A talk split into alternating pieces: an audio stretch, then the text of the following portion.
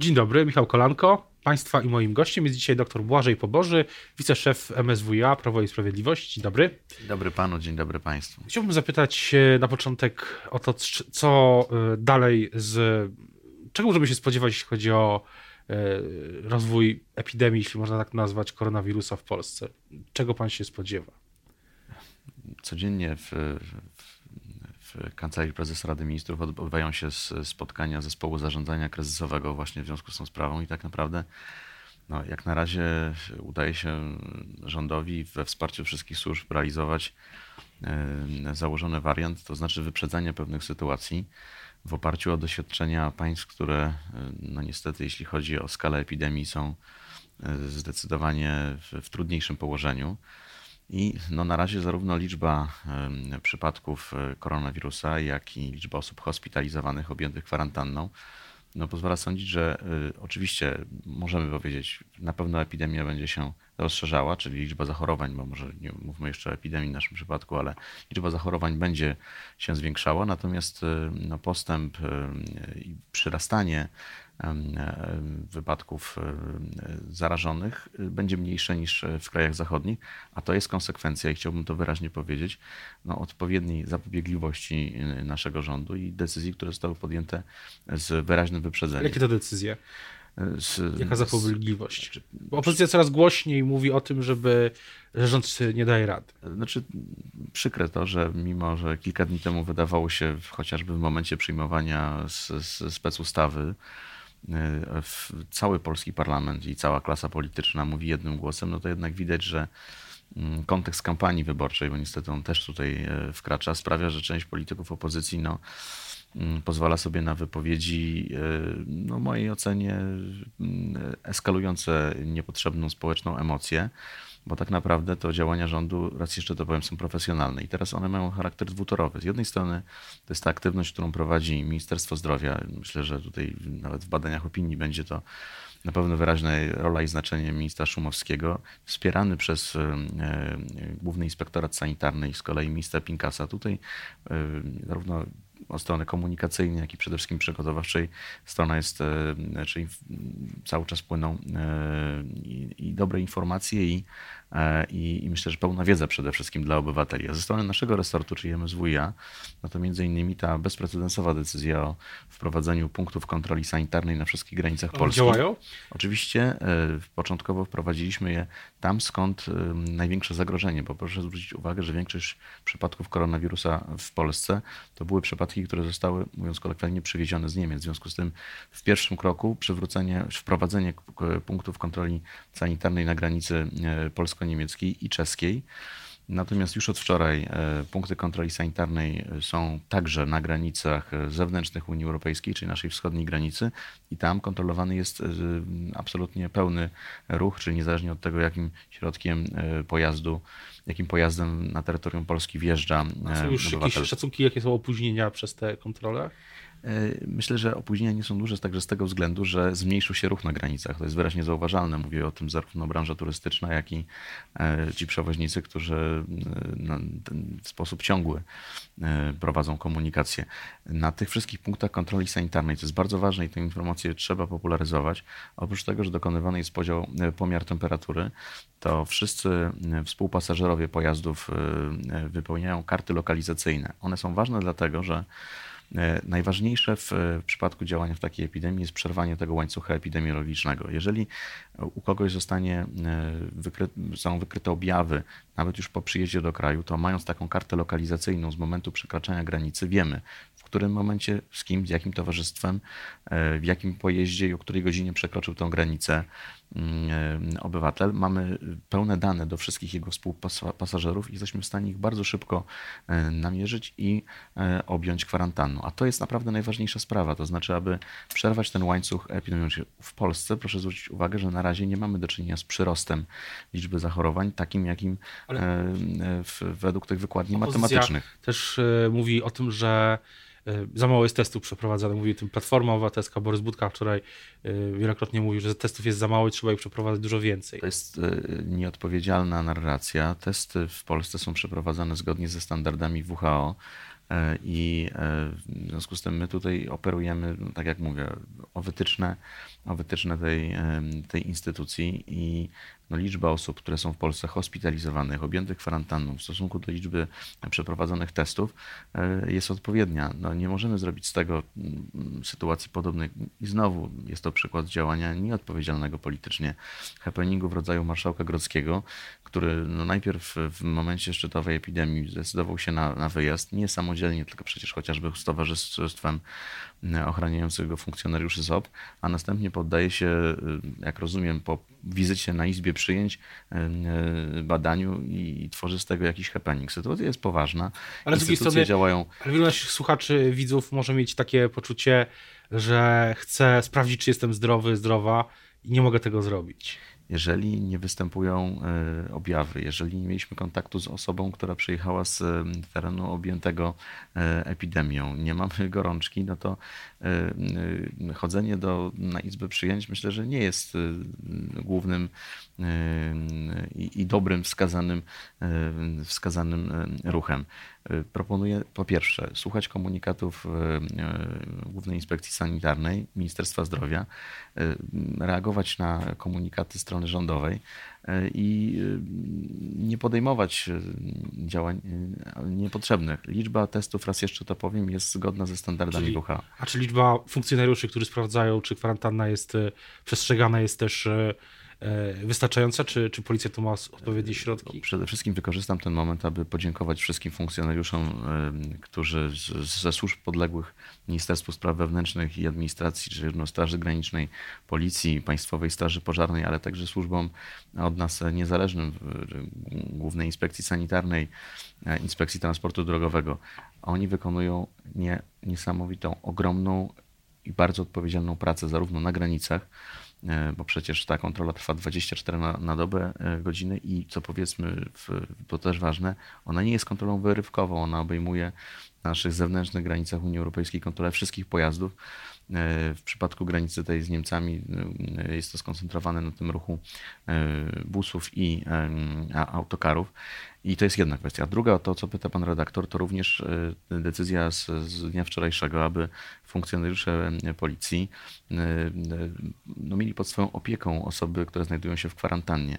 Przykład włoski pokazał, że osoba, która naruszy rygor kwarantanny, stwarza największe zagrożenie. W związku z tym ważne jest to, aby osoby, które są objęte tą kwarantanną, pozostawały w domach i jak powiedział wczoraj minister Szumowski, komendant Szymczyk również, no, tacy funkcjonariusze policji będą kontrolowali, czy nic się nie dzieje, bo to przecież chodzi o to o bezpieczeństwo zarówno osób, które znajdują się pod tą kwarantanną, jak i ich otoczenia. Czyli czy tym osobom niczego nie brakuje, czy, czy, czy, czy ich stan zdrowia się nie pogorszył, a z drugiej strony, czy, czy no one nie opuściły jednak miejsca kwarantanny, bo byłoby to działanie, powiem szczerze, antyobywatelskie. Czyli, ale też jest coś takiego, akcji, mówię pan o politykach, ale też niektórzy politycy, jeden z europosłów e, wiosny na Śląsku, pan Łukasz Kochut zorganizował, inni politycy widzę, być, e, też niektórzy o tym e, informują, zorganizował taką akcję, że młodzi ludzie dokonują zakupów osobom starszym, żeby ci nie musieli wychodzić do sklepów. To, to jest chyba inny przykład działania. Zgoda. Ja powiedziałem, przez pierwsze dni miałem wrażenie, że w ogóle cała opozycja jest tutaj E, przy rządzie, no, który ma narzędzia. No, bo często mamy taką sytuację, że to po stronie rządu jest i pełna odpowiedzialność, ale i e, pełne narzędzia do tego, aby z sytuacją sobie radzić i zarówno w naszej ocenie, ale przede wszystkim w ocenie Polaków rząd radzi sobie z tym bardzo dobrze. Wczorajsze badanie Iris dla Rzeczpospolitej dla Państwa redakcji pokazuje, że 52% Polaków uważa, że rząd właściwie postępuje e, w tej sytuacji, co oznacza wzrost o blisko 17%, zdaje się, w stosunku do poprzedniego badania. W związku z tym myślę, że tutaj rola opozycji powinna polegać na wspieraniu rządu, oczywiście z wykorzystaniem tych narzędzi, które ma opozycja, czyli pytania o wolne sprawy, ale jeśli już to akcentowanie takiego pozytywnego wymiaru. Ten przykład, o którym pan powiedział, jest dobry. Oczywiście zastrzegę pod tym warunkiem, że jeżeli jakaś osoba jest objęta kwarantanną, to osoby, które jej chcą pomóc, no nie nabierają z nią bezpośredniego kontaktu, ale oczywiście to można Ale w praktyce oznacza to, że ktoś po prostu zostawia y, zakupy, czy, czy jakoś tak bez kontaktu? Znaczy, tak to powinno być, to znaczy powinien być kontakt, jeśli już to przez drzwi. Tak samo funkcjonariusze policji nie będą przecież odwiedzali osób, które, które znajdują się pod kwarantanną, witając w domu, albo decyzja, dzięki specustawie, decyzja o objęciu kwarantanną nie będzie wysyłana przez listonosza, no przecież to naruszałoby no, podstawowe tutaj standardy. W związku z tym rząd jest przygotowany zarówno dzięki specustawie, która obowiązuje, ale także dzięki funkcjonowaniu tego zespołu. No, codziennie zapadają jakieś decyzje. Wczoraj decyzja o odwołaniu e, wszystkich imprez masowych, e, cały czas rozważana decyzja o ewentualnym zawieszeniu e, szkół, ale funkcjonowania szkół i przedszkoli, ale już uczelnie korzystając z kolei ze swoich uprawnień, rektorzy są w tej sprawie dzięki tym zmianom ustawowym z ostatnich miesięcy też mm, mają szersze kompetencje i na przykład Uniwersytet Warszawski wczoraj zdecydował o zawieszeniu E, zajęć akademickich. Co do, co, co do, jeszcze jest jeden aspekt, rozmawiamy trochę o tym, co się dzieje e, w sferze rządowej, trochę o sferze politycznej, ale pytanie na koniec, co z kampanią wyborczą, no bo ona się jednak toczy. Ja widzę codziennie zdjęcia e, na przykład na profilach społecznościowych kandydatów lub, lub partyjnych e, komitetów, że kolejne banery gdzieś są wieszane, że podpisy są zbierane, też Prawo i Sprawiedliwość dostarcza kolejne podpisy. E, I, i pytanie, więc ona się w jakimś sensie toczy. Zmieniła się jej forma medialna, nazwijmy, też nie ma, kandydaci i kandydatka ograniczyli te duże spotkania wyborcze. Pytanie, czy, czy pana zdaniem w, w tym momencie E, powiedziałby pan, że na pewno wybory 10 maja się odbędą i 24. W tej chwili nic na to nie wskazuje, żeby termin wyborów miał zostać odsunięty, ale tak jak mówię, sytuacja jest bardzo dynamiczna.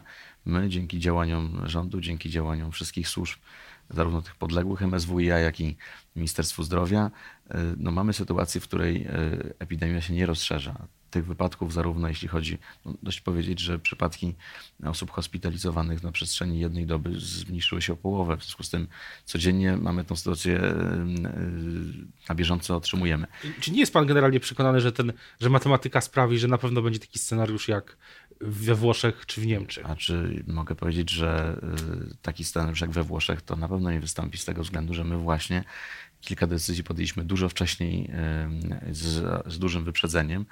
W związku z tym e, myślę, że bliżej e, wariantu niemieckiego, ale tak naprawdę nawet w stosunku do sytuacji w Niemczech, sytuacja w Polsce jest zdecydowanie bardziej korzystna. I raz jeszcze podkreślam, to wynika zarówno z przygotowania takiego formalno-prawnego poprzez specustawę, działalności służb, no i tej ogromnej pracy, którą wykonują wszyscy inspektorzy inspekcji sanitarnej. Naprawdę wszyscy w tej chwili pracują 24 na dobę i czasem jak patrzę, y, bo to także dotyczy polityków, jak patrzę na kondycję, w jakiej świetnej kondycji, w jakiej jest minister Szumowski czy minister Kamiński, którzy pracują naprawdę 24 godziny na dobę, to jestem pod dużym wrażeniem i mam poczucie, że e, widzą to także Polacy, wskazując na ten duży poczucie bezpieczeństwa. Na koniec chciałbym zapytać pana też jako politologa, czy czy, czy myśli pan, że jaki będzie wpływ e, na samą kampanię? No bo e, ona się, zakładamy, że się będzie toczyła w tej no, nowej formie, nietypowej, ale będzie się toczyła do 10 maja.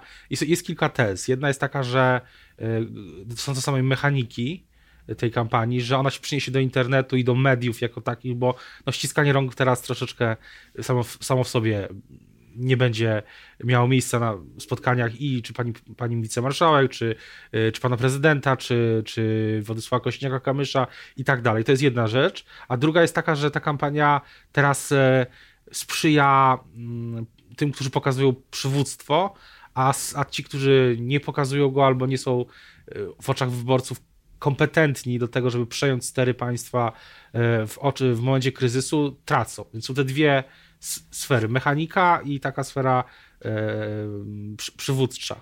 Po pierwsze, one się nie wykluczają, po drugie, myślę, że obydwa te mechanizmy tutaj zadziałają. Jest sytuacją naturalną, że zawsze, jeżeli władza umownie, mówię bardziej już teraz jako politolog, a nie reprezentant tej władzy w jakiejś tam części, jeżeli władza radzi sobie z sytuacją kryzysową, społeczeństwo konsoliduje się przy władzy i to historia pokazuje szereg tego przypadku, szereg y, takich przypadków.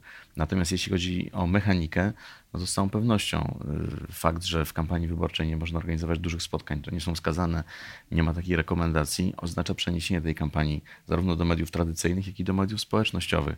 W związku z tym na pewno, tak jak już w poprzednich latach obserwowaliśmy przesuwanie się kampanii w tę stronę, to ta sytuacja z koronawirusem na pewno jest takim katalizatorem tego procesu przechodzenia i zmiany formuły kampanii. Ale z drugiej strony, wyborczej. jeśli ktoś ma dobrą kampanię internetową, a nie spełnia tego drugiego, drugiej cechy, to świetna kampania w internecie też mu nie pomoże. Całkowicie się tutaj z tym zgadzam. No, wszystko zależy od tego, czy jesteśmy odpowiedzialnym. Zarówno y, odpowiedzialność jest po stronie rządu, i rząd jest rozliczany ze swoich decyzji. One na razie są dobrze oceniane i wierzę, że tak będzie. Opozycja natomiast jest rozliczana ze swojej, ze swojej narracji, którą stara się wprowadzać. I tak jak powiedziałem, e, mam nadzieję, że tutaj wrócą liderzy, zwłaszcza głównej formacji opozycyjnej, do takiego sposobu komunikacji zarówno ze społeczeństwem, jak i z e, rządem, jaki y, był chociażby przy przyjmowaniu specustawy. Natomiast niektóre wypowiedzi wybranych polityków, chociażby z dnia wczorajszego, no wskazują, że jednak próbują oni wykorzystać tę sytuację i moim zdaniem jest to działanie nieodpowiedzialne. Bardzo dziękuję za rozmowę. Dziękuję Państwu i Panu bardzo. bardzo. Państwa i moim gościem dzisiaj do, był dr Błażej Poboży, wiceszef MSWiA Prawo i Sprawiedliwość. Dziękuję bardzo. Dziękuję bardzo.